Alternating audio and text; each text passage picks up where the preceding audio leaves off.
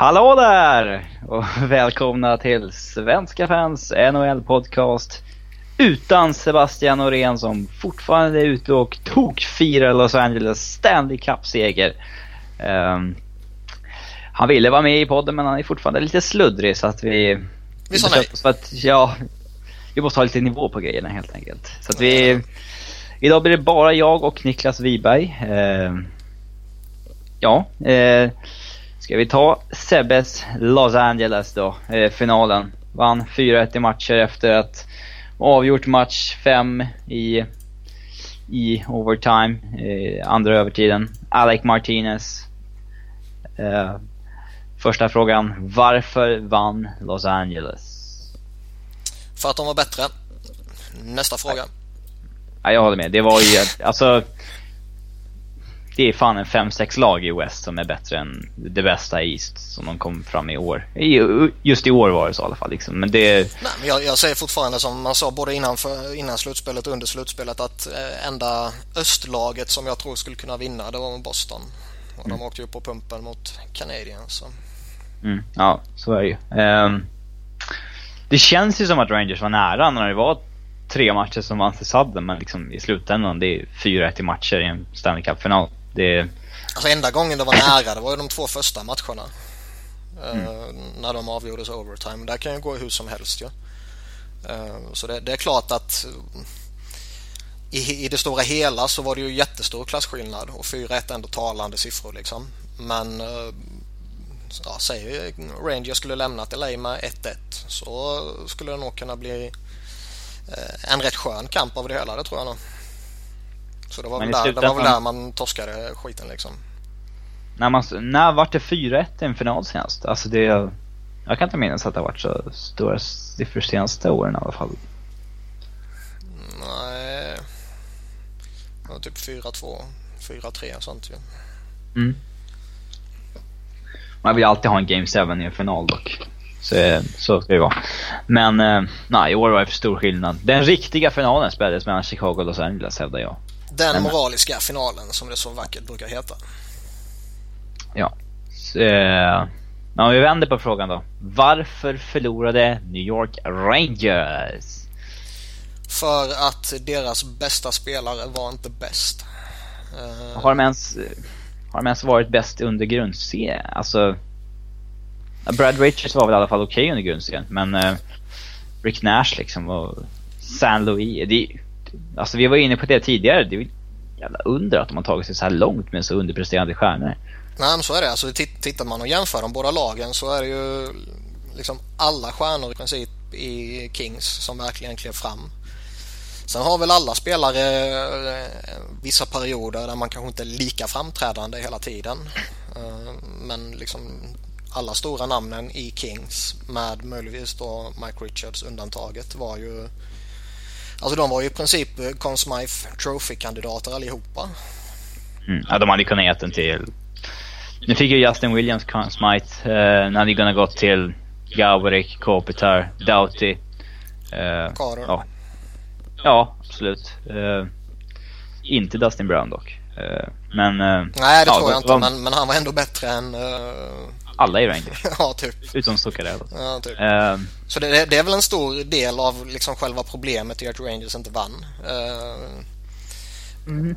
Och det, det, blir, det blir väl också lite det här snacket liksom som vi har haft uppe tidigare och som har uh, cirkulerat lite här och där just att um, att man hade en enkel väg till finalen och det kanske exemplifieras av att de stora namnen var förhållandevis eh, svaga.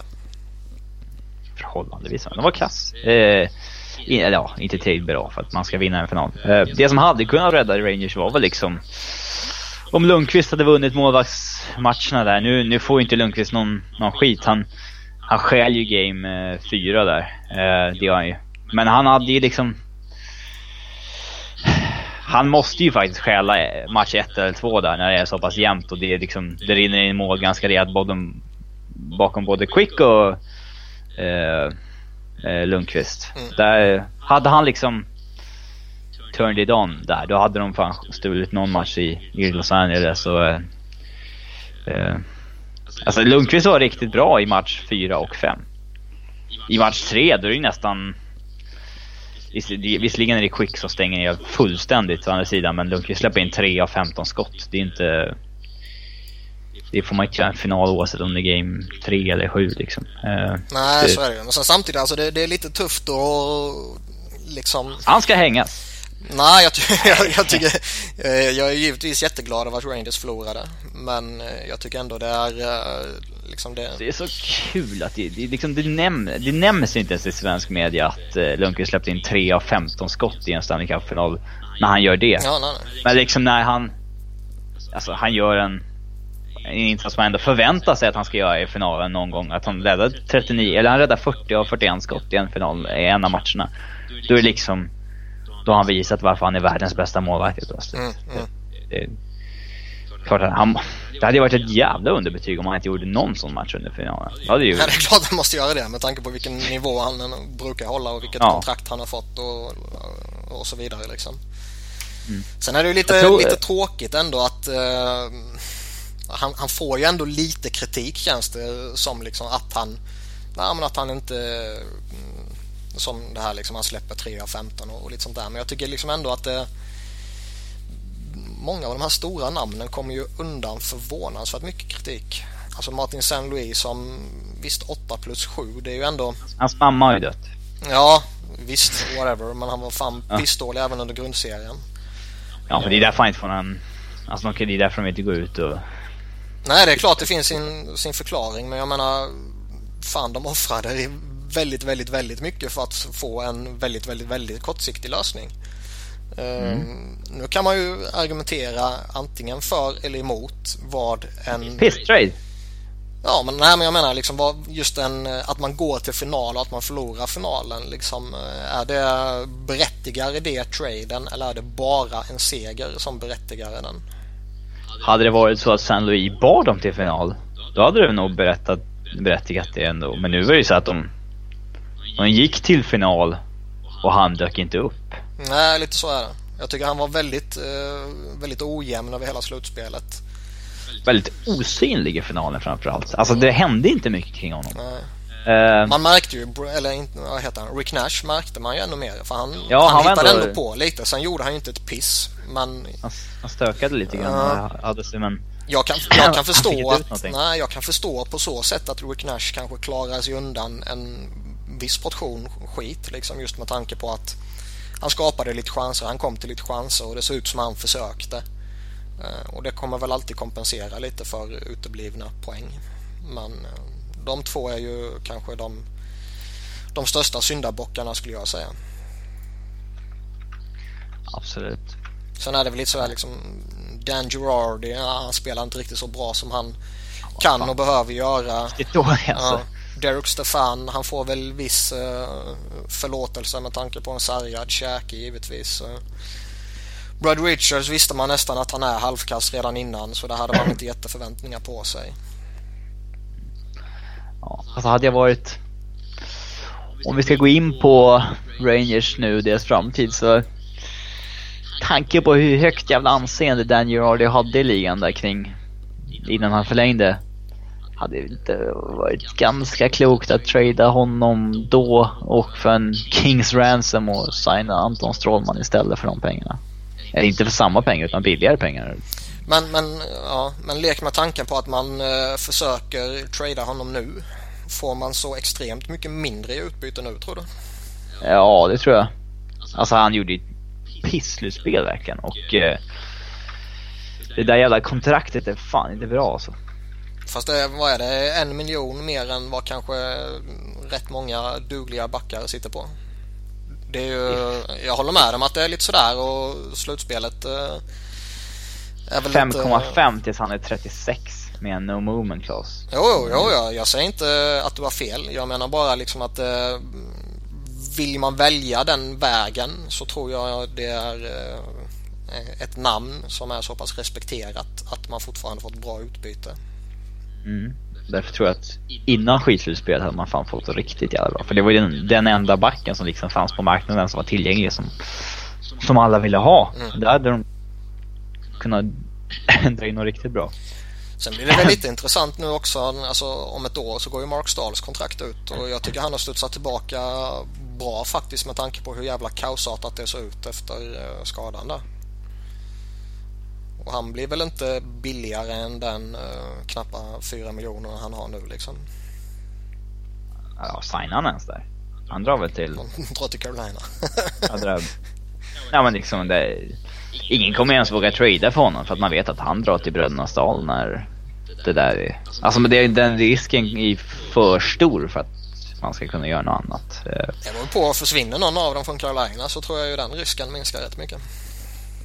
Ja, men de verkar ju en, De verkar tycka om varandra ganska hårt alltså. Det, de ska ju till varandra liksom på ett eller annat sätt. Ja, brödrakärlek, det är stort. Jag vet inte, jag har ingen bror. Nej, jag har bara en syster. Ja, inte samma sak tycker inte jag heller. Jag tycker inte om min syster. Nej. Nej. Eh... Hoppas de inte lyssnar på det här. Nej, när jag intresse det är nog sådär. Eh... Vad, vi nämnde Anton Strålman då. Alltså, kan Rangers förlänga med honom? Alltså, det sägs väl att han nobbade tre år på tre mille blankt eller tre år på fyra mille blankt kanske det var. Eh, men, nej det var nog tre mille blankt. Alltså vill man så kommer man hitta lösningar och jag eh, tror väl fortfarande på att de kommer köpa ut Brad Richards. Um, så då öppnar man ju upp rätt många miljoner. Sen är det, de har rätt många nu på utgående som kommer få sådana här liksom hyggliga kontrakt. Alltså, alla deras tre forwards RFAs kommer nog få uh, några miljoner liksom med Zuccarello, Kreider och Brassard.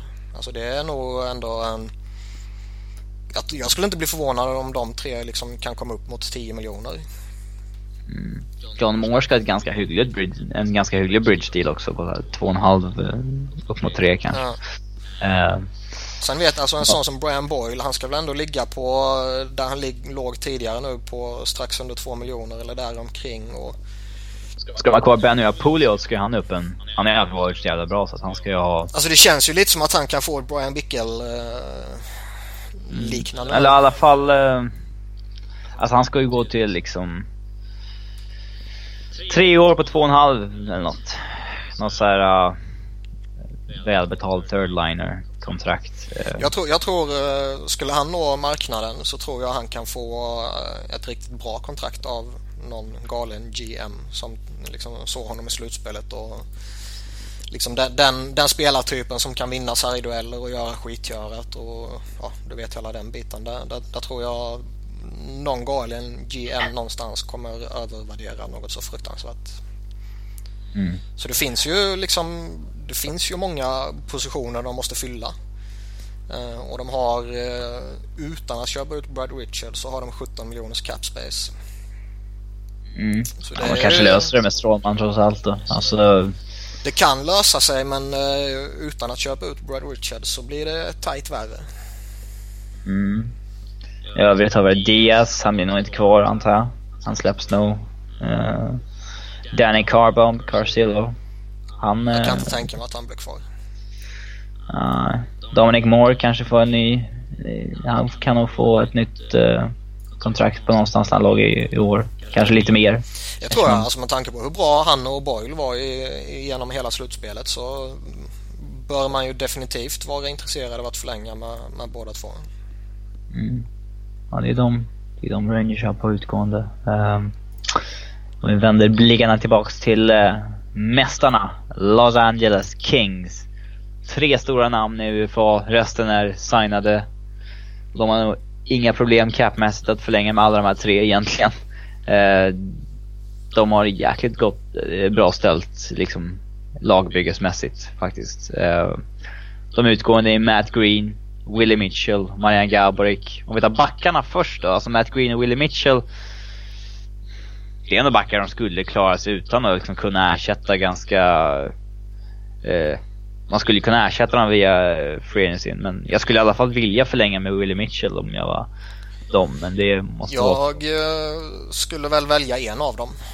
Mm. Och eh, som du säger föredrar väl jag Mitchell också. Så länge det inte är... Eh, han behöver nog gå ner lite jämfört med de 3,5 han hade. ja, det ska vara ettårskontrakt också. Ja, precis. Och då tror jag han, alltså, han är ändå okej okay fortfarande. Matt Green, alltså det känns lite som att ska du ha Robin Regier och Willie Mitchell och Matt Green så känns det nästan lite jobbigt. Man, mm. man vill ju gärna slippa en av dem. Och sen, eh, de har ju varit duktiga nu senaste åren också på att slussa upp uh, lite, lite yngre backar och, och skåla in dem. Och det kommer ju ännu mer underifrån också givetvis ju. Mm. Den stora fisken då, Marion Gaborik. Han har väl varit för bra där för att de ska liksom... För att han har ju passat in alldeles för bra i hela Kings-laget. så att det, de ska släppa honom bara sådär.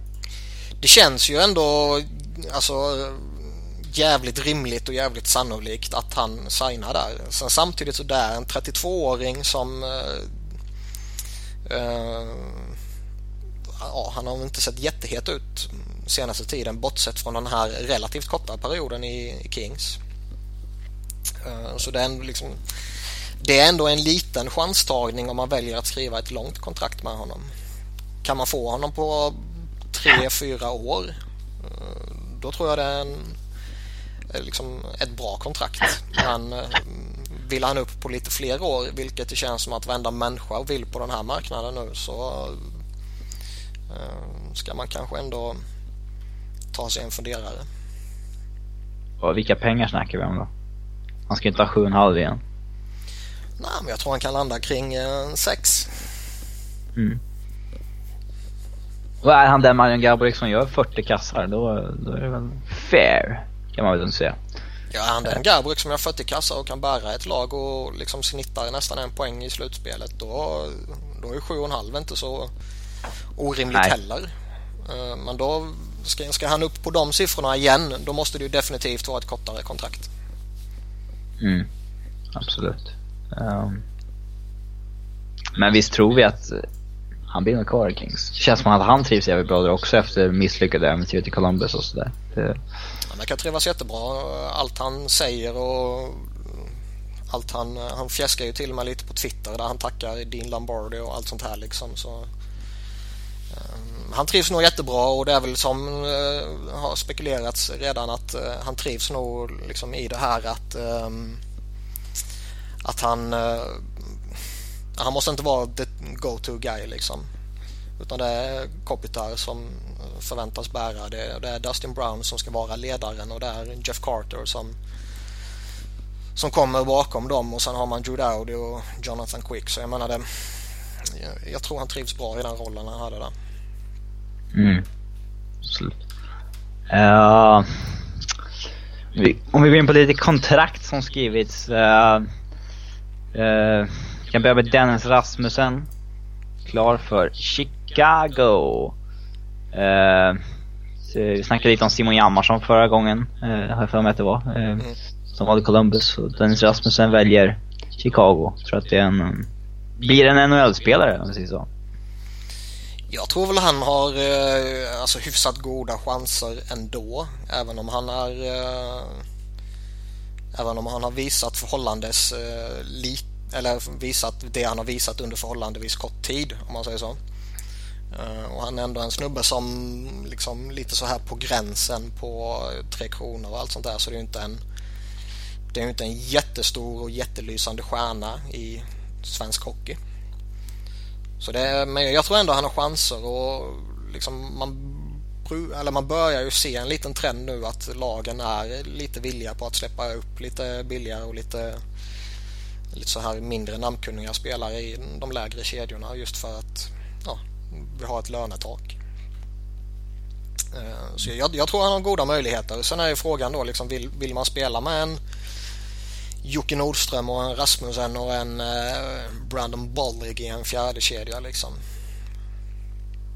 Ja, kanske. Alltså, kom ju ut nu att de släpper med Mikael Hansus, att han inte får förlängt. Mm. Sen, kanske en straight up ersättare, men eh, det känns aldrig som att de litar på de här spelarna från Europa att, liksom, att de verkligen ska gå in och ta en roll. Det är så här, ja vi får se helt enkelt. Eh, han har ju fått ett kontrakt på ett år också därefter. Men, mm. eh, ja. Nej, men jag tror han har goda förutsättningar ändå. Jag menar det, liksom centerpositionen är ju ändå liksom, ska du försöka slå, alltså, ska du försöka slå dig in någonstans i Chicago så är det ju som center. Ja, Framförallt nu som du sa när de släpper SUS. billigt eh, kontrakt också. Det kommer jag. De, Chicago kommer ha svårt att ta sig in under taket som vanligt när de, med sina, sitt stjärnspäckade lag. Attraktivt. Eh, en annan snubbe, den som var den största konkurrenten till eh, eh, Nathan McKinnon när det gällde årets rookie. Det är väl Ondrej Palat. Tre år på ett kontrakt på 3 333 333. Fan, du behärskar det där mycket, mycket bättre än Sebbe. ja, han är kass på det. Alltså jättedålig. eh, men eh, ja, det är väl ett eh, rätt bra kontrakt åt Tampas vägnar. Det är ju identiskt kontrakt med Tyler Johnson som han fick. Ehm, och bra, bra deal för en, för en ung spelare som har visat eh, jättemycket liksom. Och Alltså både han och Johnson och, och eh, några andra unga killar visade ju ändå rätt mycket när Stamkos var borta här. Det var inte bara Bishop och San Louis som, som bar det laget då. Så det, det känns ändå som liksom en hanterbar deal. Ja, bra för Tampa. Han hade nog kunnat fått lite mer om han satte sig på tvären. Men eh, ja, det är bra kontrakt. Eh, bra spelare också. Eh, om vi går vidare till Philadelphia Flyers så har de gjort två signingar. Man resignat signat veteranen Kimmo Timonen på ett år. Eh, på den, det nya attraktiva systemet där man gör en 2 miljoner dollar cap hit och bonusar på 1,5 miljoner som eh, kan kicka in. Eh, det snackades ju om att han skulle ta en discount förra året. Då blev det ju inte så i ärlighetens namn. Men eh, den här gången gör han ju det. Det är väl som någon skrev på Twitter att förra året visade sig att han var lite överbetald. Det här året kommer han väl vara lite underbetald känns det som. Mm. Han, det var ju ett litet decline vi såg i fjol. Han tappade lite eller han var väl lite... Han tappade, det gjorde han. Och han tappade väl mer än vad jag trodde han skulle tappa. Det, det måste man väl säga. Sen, samtidigt så är han ändå en av uh, Flyers uh, mest pålitliga backar. Den konkurrensen är inte mördande. Nej, det håller jag med om. Och eh, det finns... Eh, eh, det finns brister i försvaret, så enkelt är det. Um, men jag tycker ändå det, liksom, det är viktigt att Timonen stannar. Att han kör ett år till för att underlätta den här liksom, man har ju ändå lite unga spännande namn på uppgång och underlätta liksom eh, den här perioden där man kanske väntar in dem eller när man kanske så smått börjar skola in en Robert Hägg eller en eh, Shane Gortis Behör. Mm. Det är de två som känns närmast liksom. Är det rimligt att Kimmo Timonen är sämst betald i backbesättningen? Nej, det är klart inte det. det är, som sagt, han, han är väl den, den mest pålitliga backen och uh, han är väl han är väl den enda backen som Flyers har i dagsläget som uh, liksom man, man, verkligen känner sig fullt bekväm med i att sätta ut i vilken situation som helst. Oavsett om det är tekning i offensiv zon och man behöver hämta upp ett mål eller om det är tekning i egen zon och man behöver försvara ett mål. Så är väl Timonen den enda som, som man vill ha i båda lägena. Mm. Sen finns det ju kanske andra försvarare som man kanske kan argumentera för att man skulle föredra i något av de två lägena men definitivt inte i de båda lägena. Mm. Så det är skönt att han kör ett år till. Och det finns en annan viktig aspekt också. Det är att jag har ju svårt att tänka mig nu att man går efter någon väldigt dyr spelare på Free Agency. Kanske. Sen visst, man vet aldrig. Säg att man, nu har ju Braden Coburn ryktena börjat komma igen. Så säg att man skeppar iväg honom mot en forward. Då kanske man väljer att gå efter en uh, Niskanen till exempel. Eller en Brian Boyle. Eller förlåt, Dan Boyle. Eller en uh, Markov eller något sånt här. Så man vet ju aldrig. Man Oavsett vilket är det en trygghet att ha Timonen. Mm. En annan signing som uh, Flyers har gjort, en intressant sådan, är ju ett ettårskontrakt på 600 000 dollars. Mm. Tvåvägskontrakt med Den franska anfallaren, eller anfallaren, forwarden, eh, Pierre-Edouard Belmer. Eh, från Skellefteå Hockey. Eller Hockey, heter de så? Skellefteå... Ja, inte fan är det Skellefteå Fotboll. Skellefteå AIK. Ja, AIK såklart. Fan. Jävla sopa. det riktiga AIK. det riktiga AIK. um, jag tycker det är en jävligt intressant värvning för jag gillar det jag har sett av honom i Skellefteå.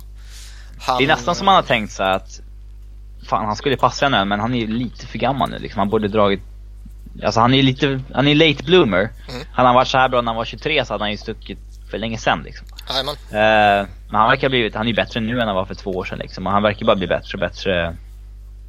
Alltså nu också så att uh, Nej, men jag gillar honom. Liksom bra skott, bra skridskoåkning, duktig tvåvägsforward.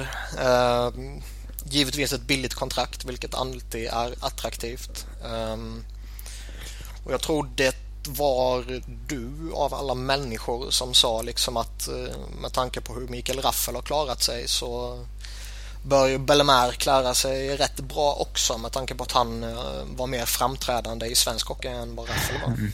Han är egentligen exakt som Raffel var i svensk hockey, fast i divisionen högre. Mm. Alltså, det Raffel gjorde är helt, det är ju sjukt unikt egentligen. Men alltså, Belmar det det är lite som liksom Jimmy Eriksson skulle gå in här. Man vet att han skulle klara sig, men nu är Jimmy Eriksson så pass gammal att det liksom, han kommer ju bli sämre. Mm. Men Pelmar, ja.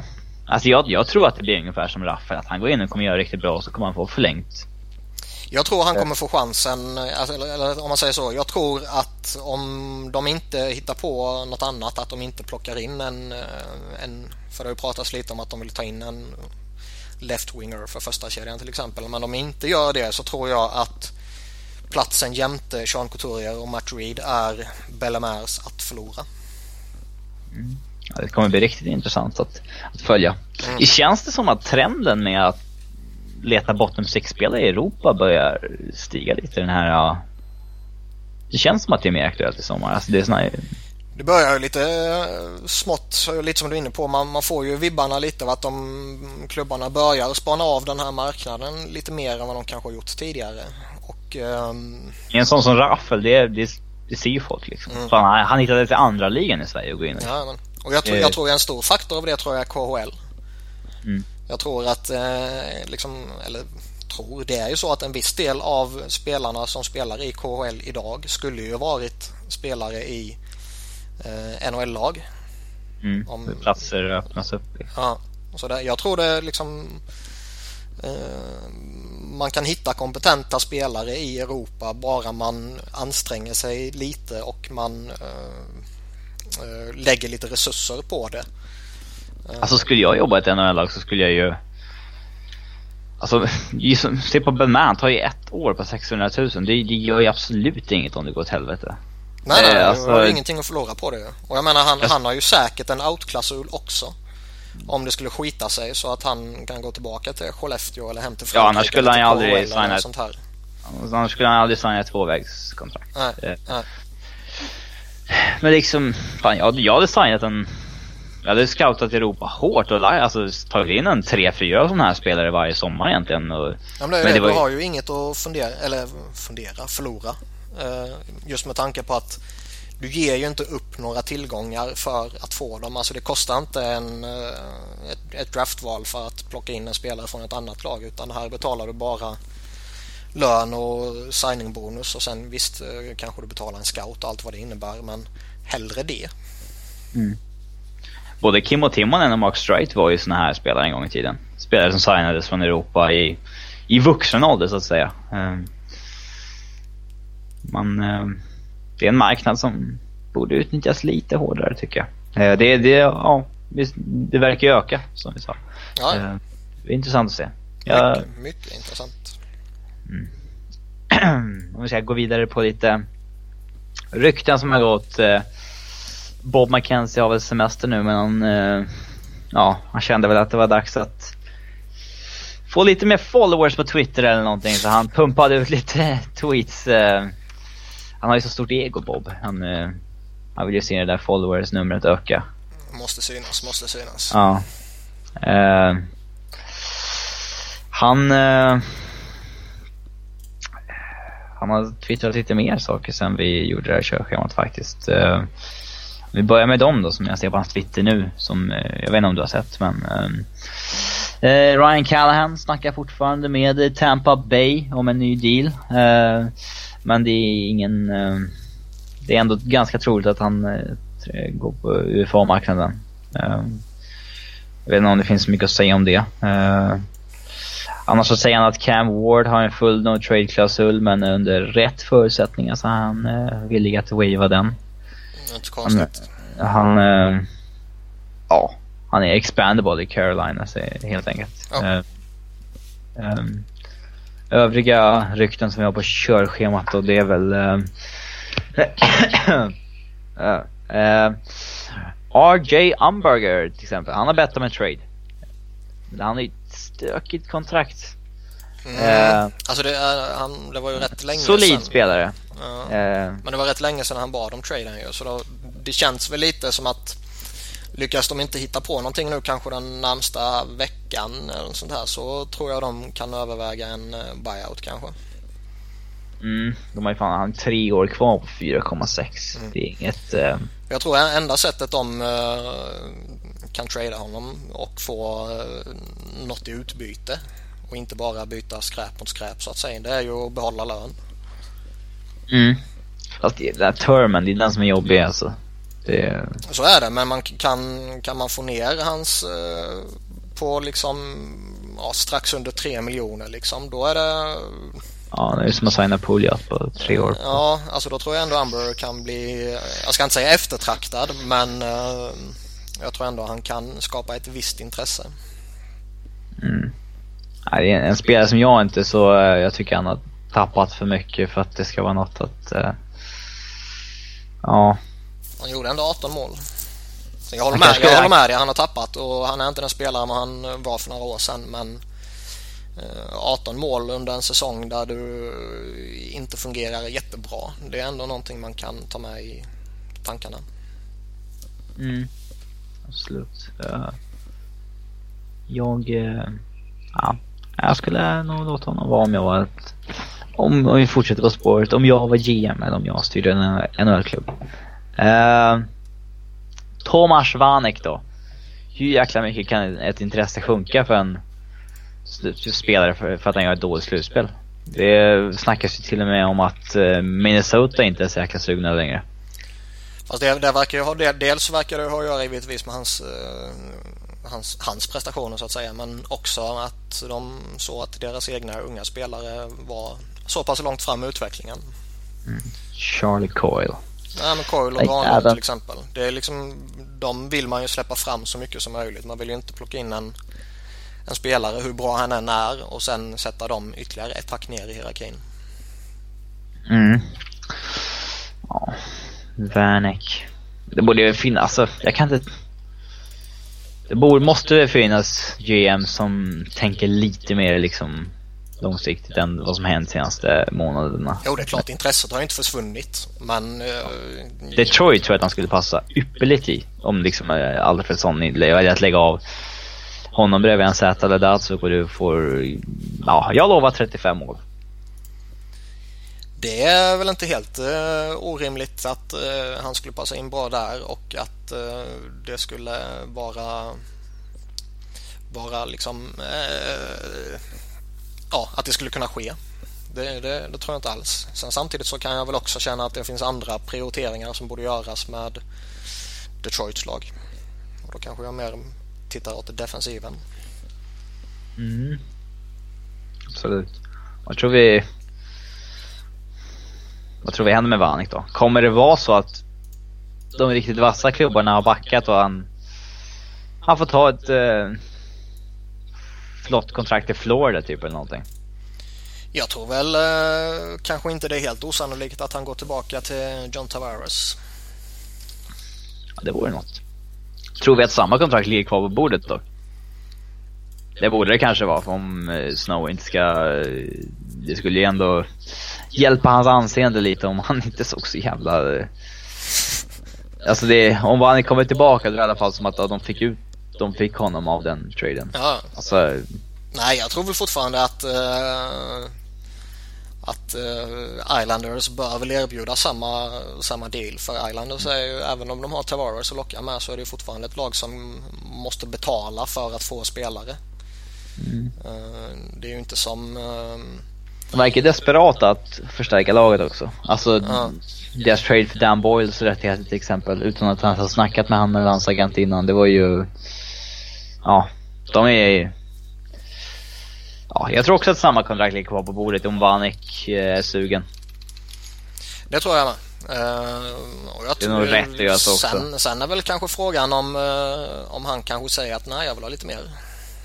Ja, då, ja. Han har inte, han har inte förbättrat sina aktier sen dess. Det, det har han inte. Nej, det säger, säger jag inte han har, men... Uh, en annan spelare vars aktier inte står så högt i kurs Vinilla Cavalier. Mm. Uh, fyra år kvar på ett kontrakt uh, på fyra och en halv miljon, för mig. Uh, det snackas om trade. Finns det en marknad? Hur mycket finns det kvar i Vinnys kropp? Jag är väl av den åsikten att han inte är slut vilket eh, folk vill hävda och eh, folk vill också hävda att det är ett otradebart kontrakt. Det är jag väl inte heller helt övertygad om.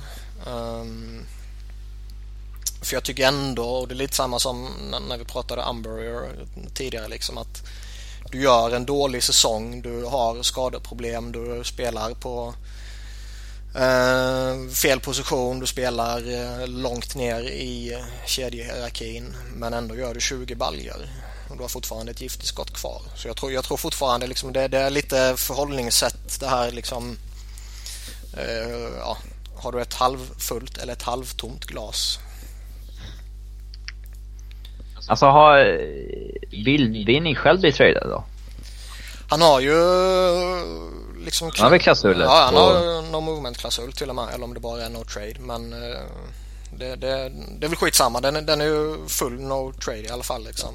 Um, så han bestämmer ju själv. Men sen samtidigt står uh, alternativen mot att spela ja, du vet, 12 minuter på match kanske i en fjärde kedja med Zach Rinaldo och Adam Hall. Um, eller kanske flytta upp till Ottawa eller Nashville eller du vet de lagen. Det, är till och med, det har ju till och med liksom Chicago har ju till och med nämnts att han ska gå in som andra center där. Ja, det är för att de har så bra omgivning så att då skulle han liksom... Ja. Excel igen liksom. Ja, ja. Så jag, jag tror liksom att uh, det, det, finns liksom argument man kan använda för att sälja in en trade. Uh, både till honom men också till andra lag. Och uh, Flyers eh, har ju redan börjat prata hans framtid med hans agent. Så eh, ja, jag säger väl inte att något kommer ske men eh, det verkar definitivt som att man undersöker saken noggrant så att säga. Jag väl... tror, att, tror att man får någonting tillbaka från honom då? Eller är det liksom att Vinilla det has been traded for a third round pick typ? Ja, jag tror väl det kan vara något sånt. Möjligtvis att uh, man behöver ta tillbaka något, uh, något kontrakt. Det, det, tror jag nog. Men jag, jag, tror inte man får en får till en trade där man, som man jublar över om man säger så. Däremot kan man nog få till en trade som man liksom rycker på axlarna mot och säger att nej, men det, är liksom, det är ett okej utbyte. Mm. Sen, det man vill är väl bli av med hans kontrakt liksom. Att, det är klart att man, man blir ju sämre när man blir av med 20 målskytt. Det blir man ju. Uh, det beror på men, vad man kan ersätta med. Ja men det de kommer tillbaka till Vinny, Vinny är ju inte bättre än vad han är värd så att säga. Eller vad han bidrar med nu. Mm. Uh, men ja, man vill bli av med de sista tre åren på det där kontraktet framförallt. Uh. Så är det väl. Sen samtidigt så är det väl inte så att jag skulle bli förbannad och arg och bitter om han eh, är i laget i oktober. Jag, jag är väl personligen redo att ge honom en chans till efter den här kaosartade säsongen. För han var innan ryggskadan var han ändå lagets kanske bästa spelare. Ja. Uh, vart, vart vill han gå Det var, vem kan Nej, Montreal, Montreal är liksom verkligen, han vill inte dit. Liksom. Det...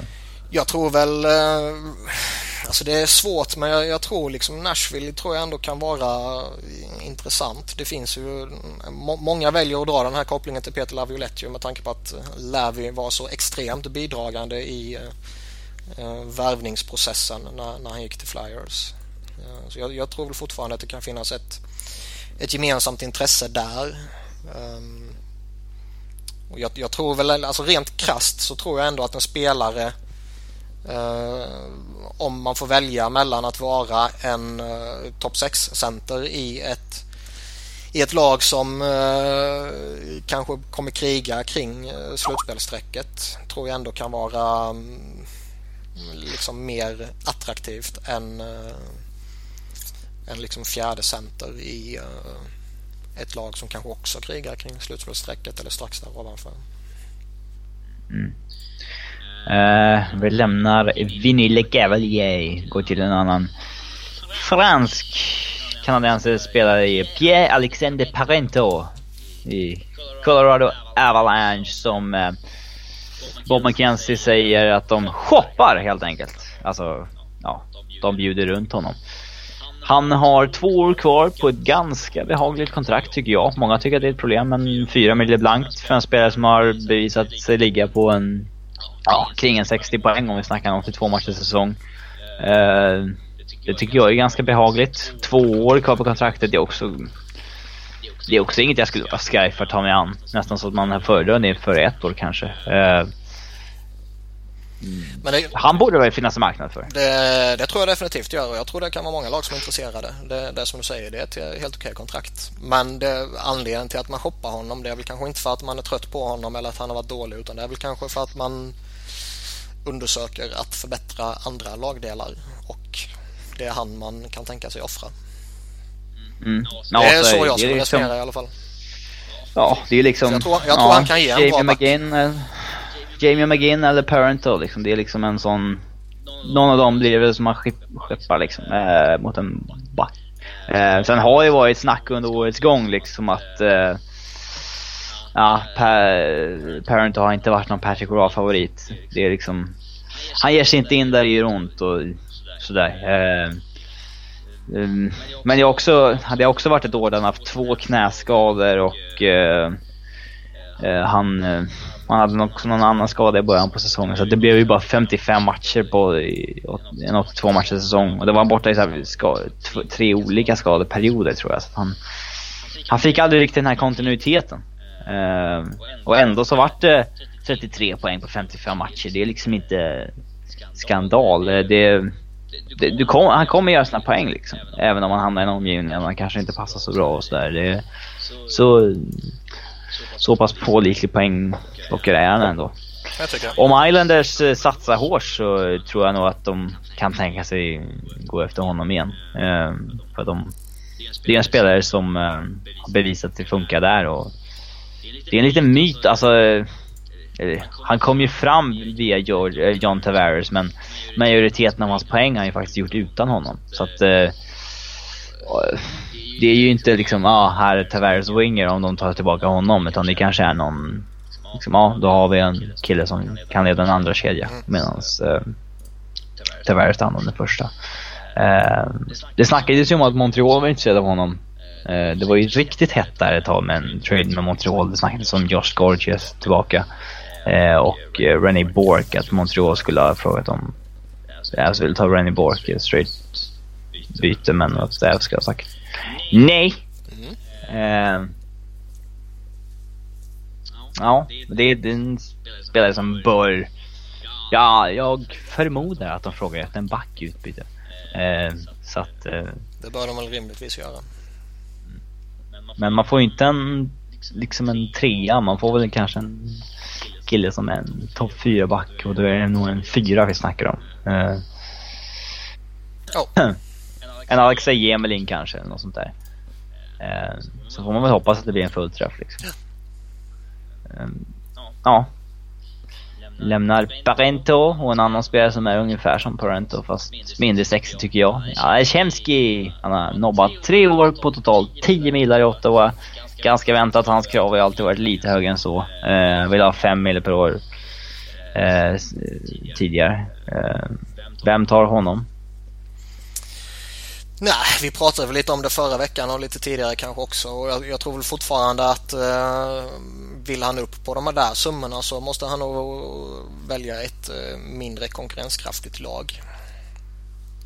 Utan eh, ska han kunna spela i ett lag som har inte bara chans att nå slutspelet utan också ha chans att faktiskt hitta på någonting i slutspelet. Då måste han ju välja en betydligt lägre lön. Mm. Alltså, jag tror jag sa det förra veckan men liksom Pittsburgh känns ändå som en ett sånt där lag där han eh, bör kunna eh, hoppa in eh, och kunna passa in hyfsat i alla fall i deras topp 6. Men som sagt då eh, funkar det ju inte med några 5 miljoner. Ja. Nej, jag hatar att prata om Anders Hemski varje deadline och varje frame. Ja, fy fan. Nej, jag skiter i honom. Eh, Jason Spetsa istället, lite hetare namn. Ja, har officiellt bett om en trade. Det är, det är liksom officiellt nu. Och han ska också ha tackat nej till en trade till Calgary enligt uh, någon. Uh, han vill lämna landet tydligen. ja. Jag vill fly land. Um. Det, det, det, roliga är ju att liksom anledningen till att han ber om trade det är ju för att han tycker han har fått för mycket skit när laget förlorar och lite sånt här. Man kan, det kan bli så när man är första center och lagkapten. Ja, och tjänar en capita på 7 miljoner eller 7,5 eller vad ja. han ligger på nu. Men, men liksom uh, bara den anledningen skulle ju göra att jag inte skulle vilja trada för honom. Uh, jag tycker det fortfarande är en okej okay spelare. Um, han är väl ingen 7 miljoner spelare längre.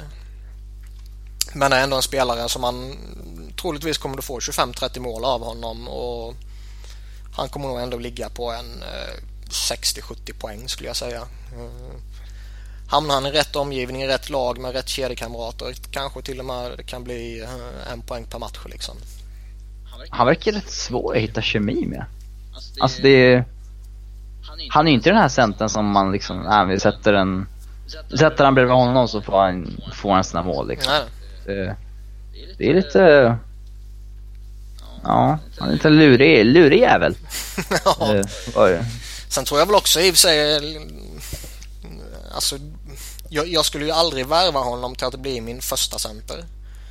Eh, däremot har, har, du utrymme för det så kan det ju vara värt att ta honom som andra center. Alltså det pratas ju om typ Anaheim. Ja, men då satsar man ju för i år då.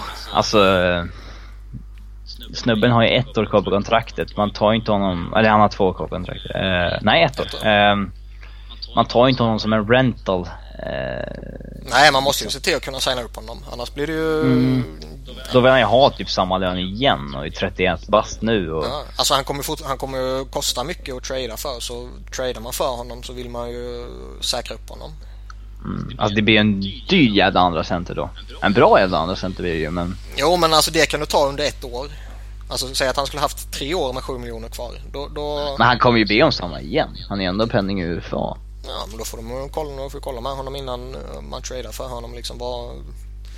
Om vi tradar för dig, hur intresserad är du att eh, förlänga och vad vill du förlänga det med? Och man kanske till och med eh, ska se till att säkra upp en kontraktsförlängning innan man slutför traden. För jag skulle inte mm. vilja ha spetsar på 7 miljoner. På ett långtidskontrakt ska jag säga. På ett år. Alltså ett år kan man alltid leva med. Mm.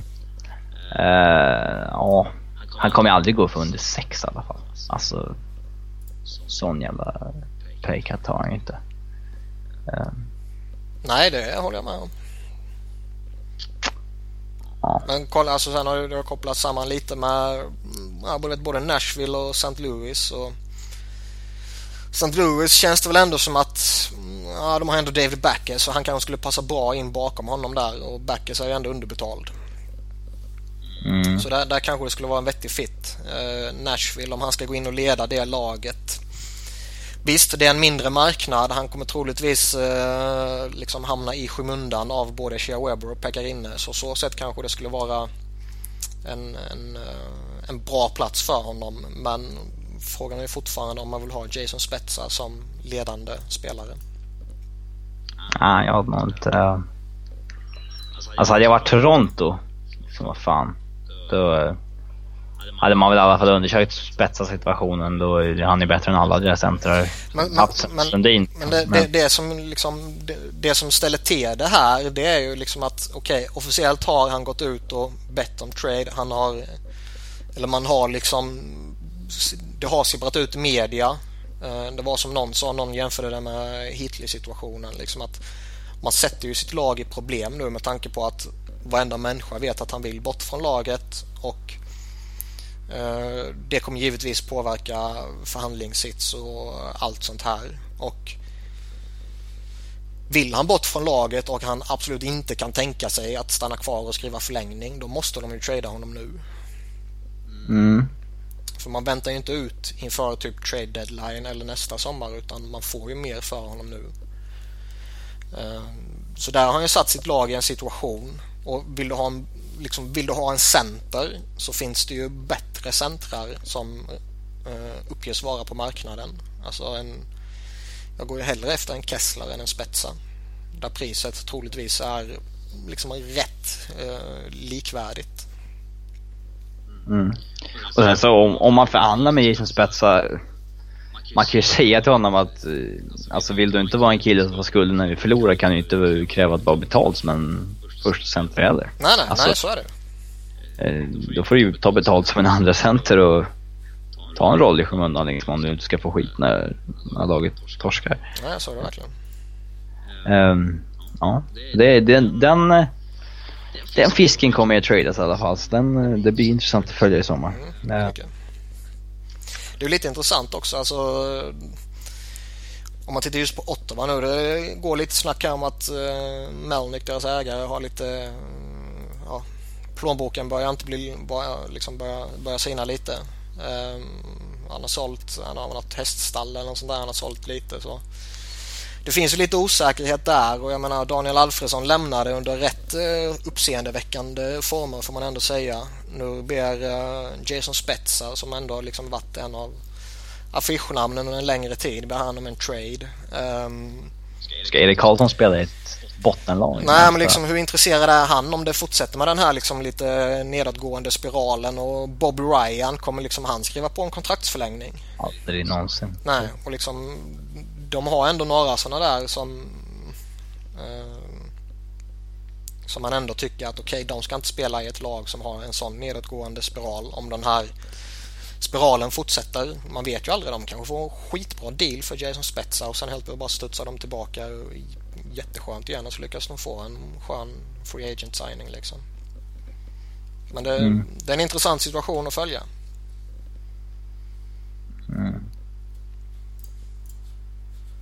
Eh, Montreal Canadiens superryss Andrei Markov. Han vill ha tre års kontrakt på 6 mille blankt. Uh, jag tror att det snackas om att Montreal vill ge han 6 mille blankt, men det är på ett år. Eh, uh, man kanske enas kring två, jag vet inte. Men Markov vill i alla fall ha tre år på 6 mille blankt. Är det rimligt? Jag hade personligen gett honom det utan att tveka om jag var Colorado GM i alla fall om han lyckades trada till med hans rättigheter. Skulle du göra om det var Montreals GM? Mm, ja. Jag gillar Markov skarpt men de har en helt annan backar på uppgång i Montreal. Alltså det känns ju lite som att innan de kan signa upp Markov så måste de ju ha klart för sig vad PK Subban kommer landa på. Ja.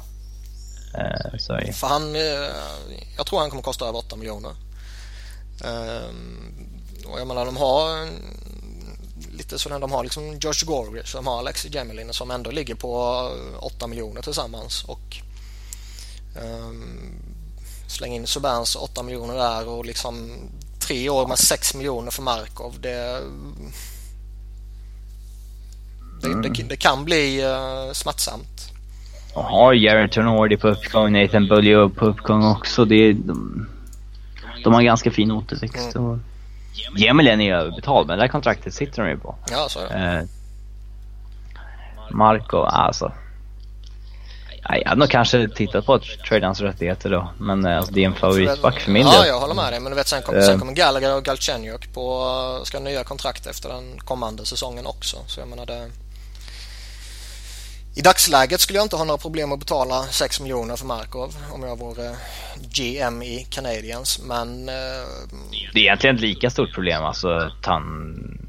Alltså i år att få plats 6 miljoner till honom med PKs nya kontrakt och så. Ja. Så det, nej, ja... Intressant situation och jävligt svårt för att säga vad man skulle göra faktiskt. Tre år känns i Canadiens fall aningen långt. Uh, som du sa så skulle jag vara Colorado så skulle jag nog slänga upp den utan att tveka.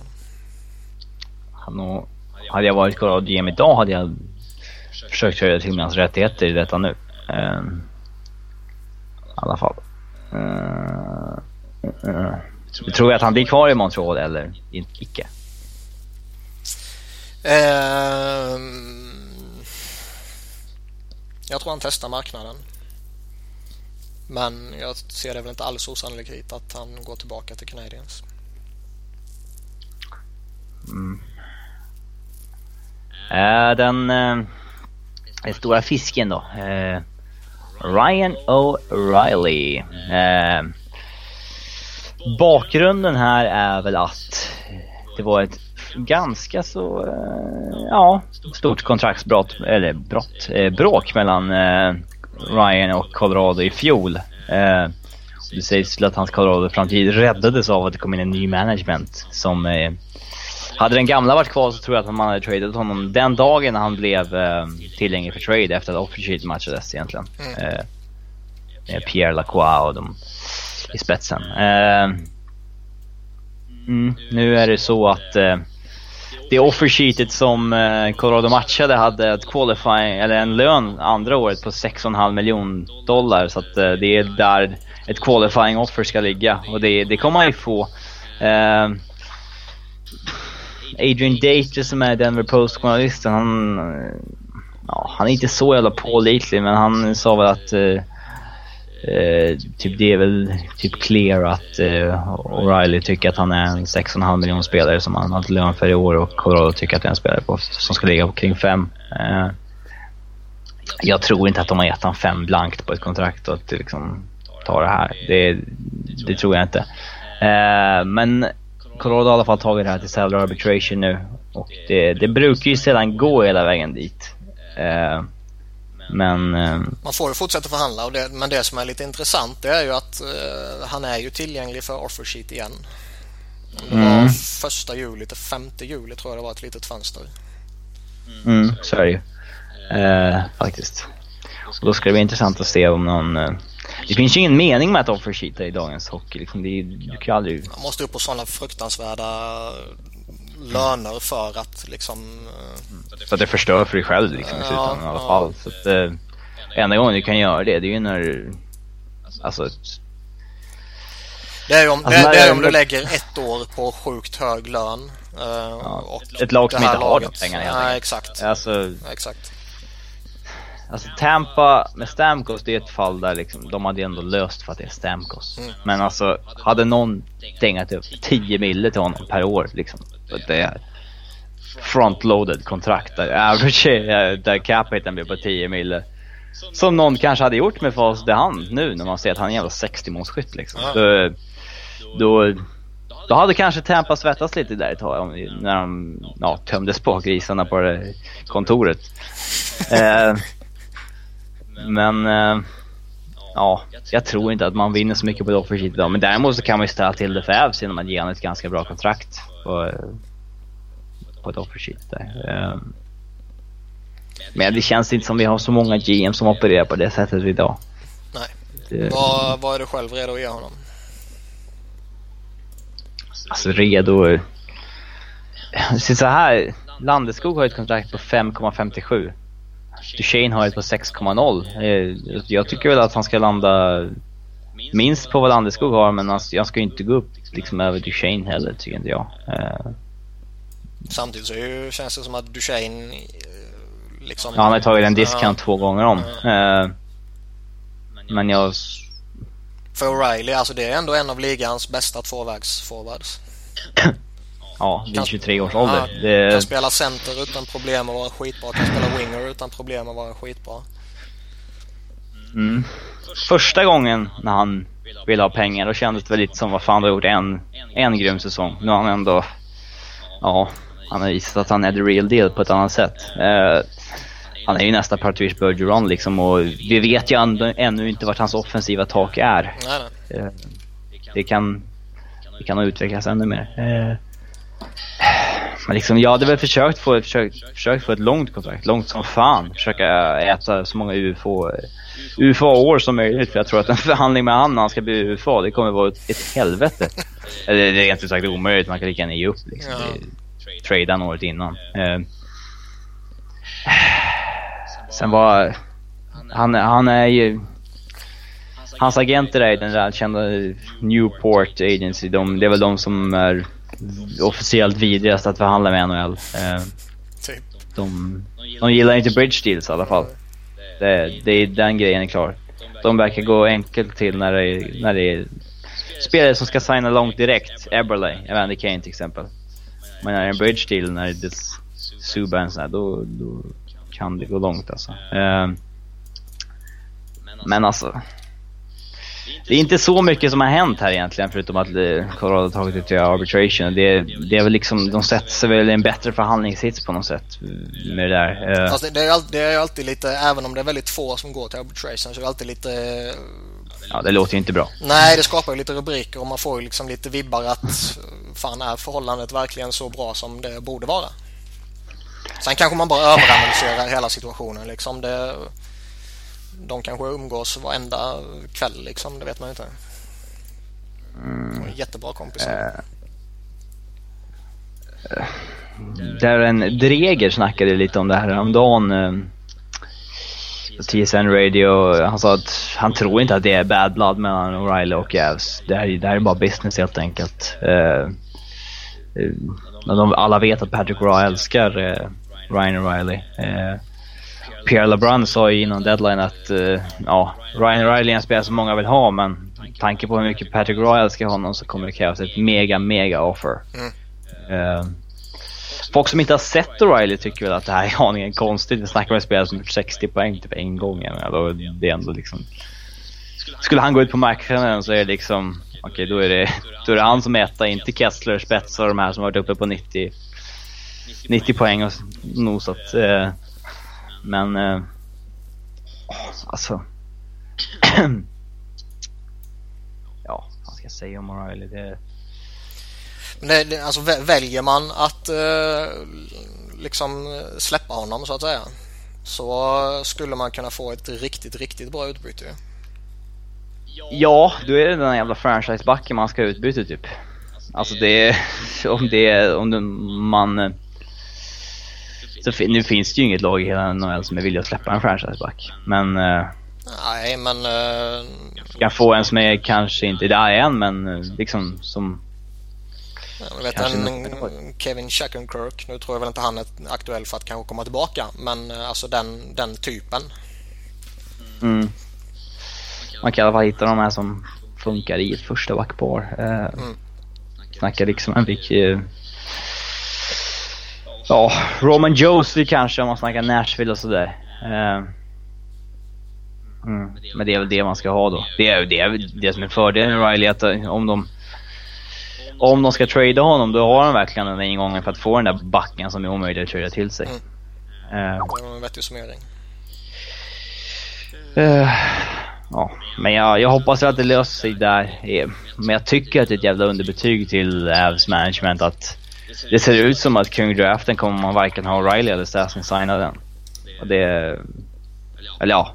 Att i mitten på juni, att varken någon av dem är signade än, det tycker jag är ganska, ganska svagt. Um, Fast O'Reilly och, Jamie McGinn också för den delen, båda de är RFAs. Så det är ju egentligen... Uh, Barry också. Ja, men om man liksom just pratar forwards, Stasny UFA, det är ju där som det är oroande. Mm. Ryan O'Reilly och RFAs generellt eh, är ju alltid lite mer eh, liksom kan man alltid pusta ut lite mer över. Mm.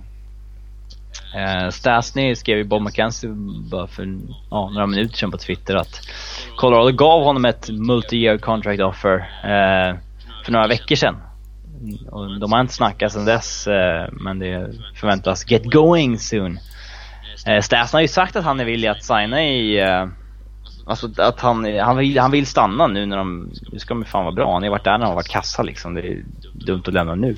Eh, men å andra sidan, hur många gånger får man chansen att i sin prime-ålder gå ut på UFA-marknaden som den enda vettiga centern på hela marknaden? Det, Men han kan ju håva in dollars utav helvete ju.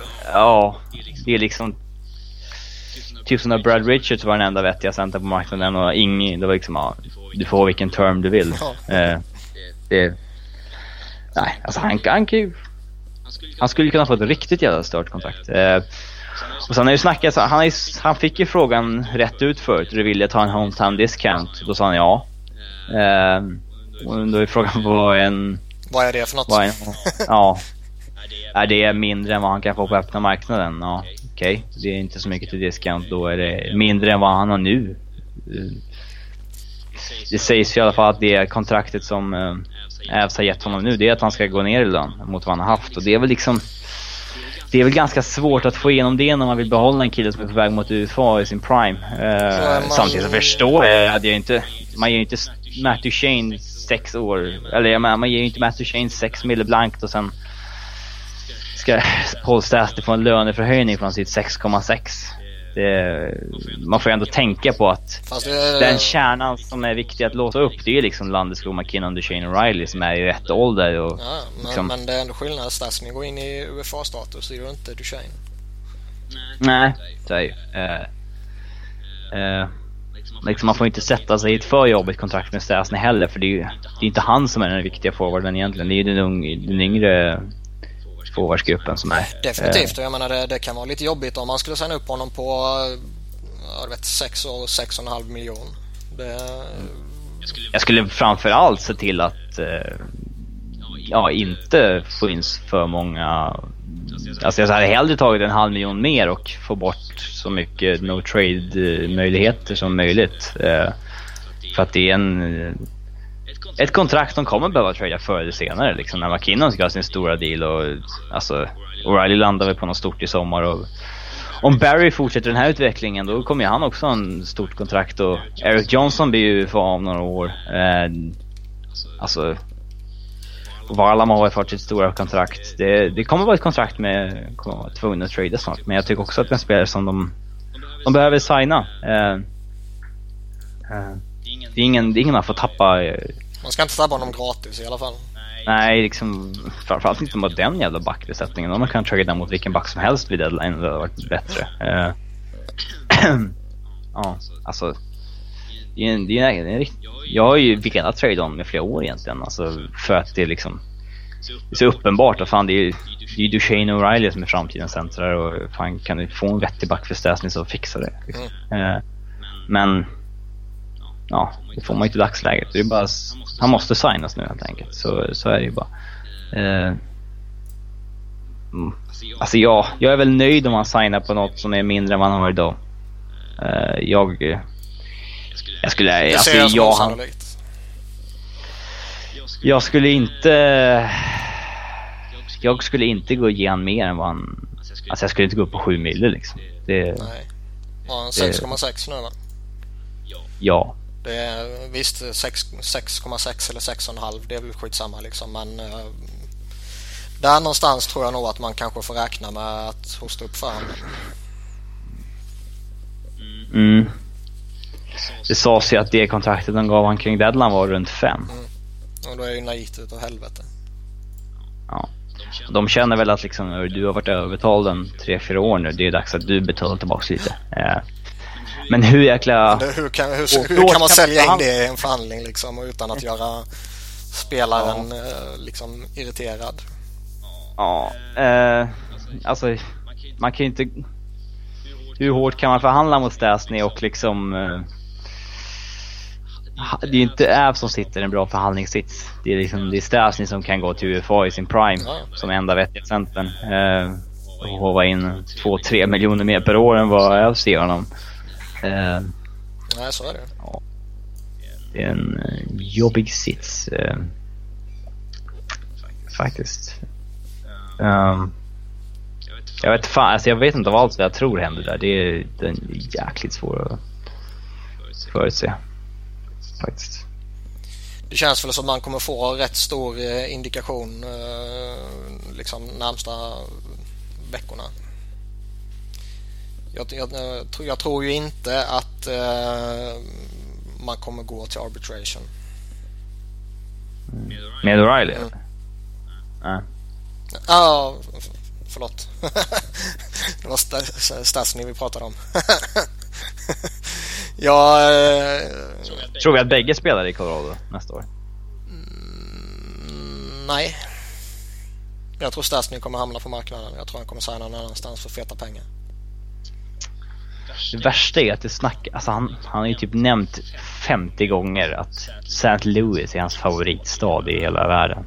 Ja. Det är ju liksom divisionsrival. Att det, ja.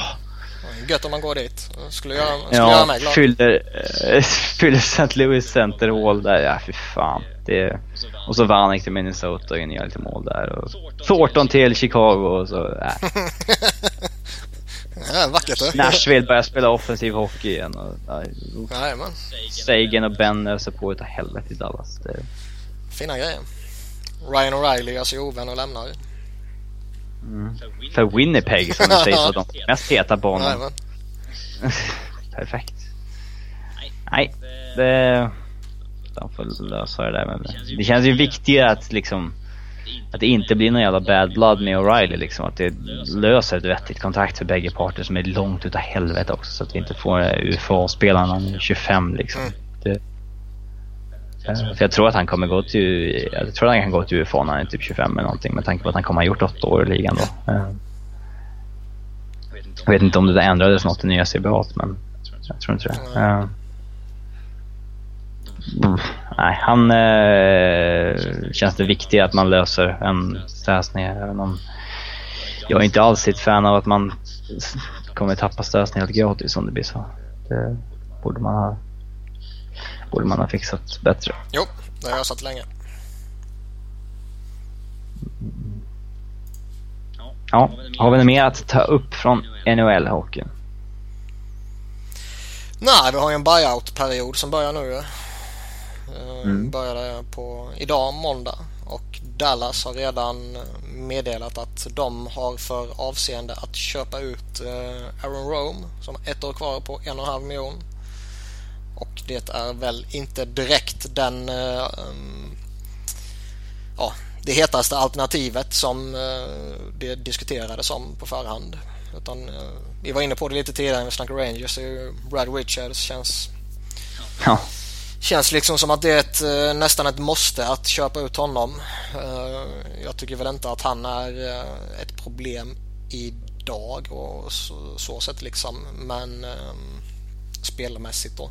Men han kommer definitivt vara där om kanske två, tre år och han har ju hur många år som helst kvar på sitt kontrakt. Mm. Kan man oddsa på vilken dag det blir officiellt att Brad Richards köps ut? Det var ju... Uh, Rangers hade ju sina sådana här uh, exit interviews och allt vad fan det var idag. Uh, och lite spelare var tillgängliga för intervju och allt sånt där. Och de gjorde ju inte Brad Richards tillgänglig för intervju. Vilket eh, folk liksom säger att ah, han, inte, han kommer inte intervjuas idag och det får ni tolka hur ni vill. Okay. Eh, sen samtidigt säger Alain Vinot att vi har inte bestämt oss över hans framtid. Liksom. Ja, det, de är ju riktigt störda om de inte köper ut honom. Det där är fan sista chansen att ta sig ur det där kontraktet. Annars är det ju, vi kommer ju hanta dem ett decennium annars. ja, faktiskt. Alltså bokstavligt ja, men... uh... Sen är väl hans namn eh, Mike Richards känns ju... Har ju pratats lite till och från och lite så här men jag, jag tror fortfarande att Nej, han... väl, alltså, ger man upp hoppet om honom så, så tror jag fortfarande att det finns en trade-marknad. Ja, även om det är trade liksom gratis. Mm. Liksom, det, du slipper i alla fall betala honom alla pengar i det där kontraktet då. Mm. Så nej, han, han, han har ju ingen som helst uh, no trade-klausuler sådär va? Heller? Uh, jag är lite osäker på det. Uh, med tanke på att han tradades en gång redan under det här kontraktet och då finns det ju de klausulerna man har om du redan tradar så, så där, de, de kan ju strykas då ibland ju. Men jag, jag tror inte han har någonting kvar. Men det är som sagt, det, jag, jag ser väl det som väldigt osannolikt. Utan väljer man att, att göra sig av med honom då tror jag man kan trada. Sen finns det lite sådana här, alltså San Jose har ju redan flaggat för att de kommer köpa ut Martin Havlat och Ville Leino känns väl som att han definitivt kommer bli utköpt från Buffalo. Mm. Sådana veteraner som Ed Jovanovski som är rätt värdelös numera. Ryan Malone, Tampa Bay eh, är ju också sjukt värdelös numera och dessutom skadeproblem här och där. Det som kan ställa till det där det är väl hans, det här med han åkte ju fast för kokaininnehav och rattfylla och allt vad fan det var liksom. Så det är möjligt att om han måste lägga sig in på torken och allt vad fan det innebär om det i så fall förhindrar en möjlig buyout. Mm. Ja. Vi får se vad som händer. Jo. Uh, ja, Tackar väl för oss den här veckan och uh, börjar vara tillbaka Ja, jag vet inte. Vi kör något rullande schema nu i sommar men när det händer grejer helt enkelt. Oh. Kör vi något innan draften kan jag tänka mig. Senaste rykterna då. Ja. Då bör vi väl ha sett några trades också. Det bör vi nog gjort. Mm. Då eh, tackar vi för oss och uh, hörs igen nästa vecka. Gör vi. Hej. Hej.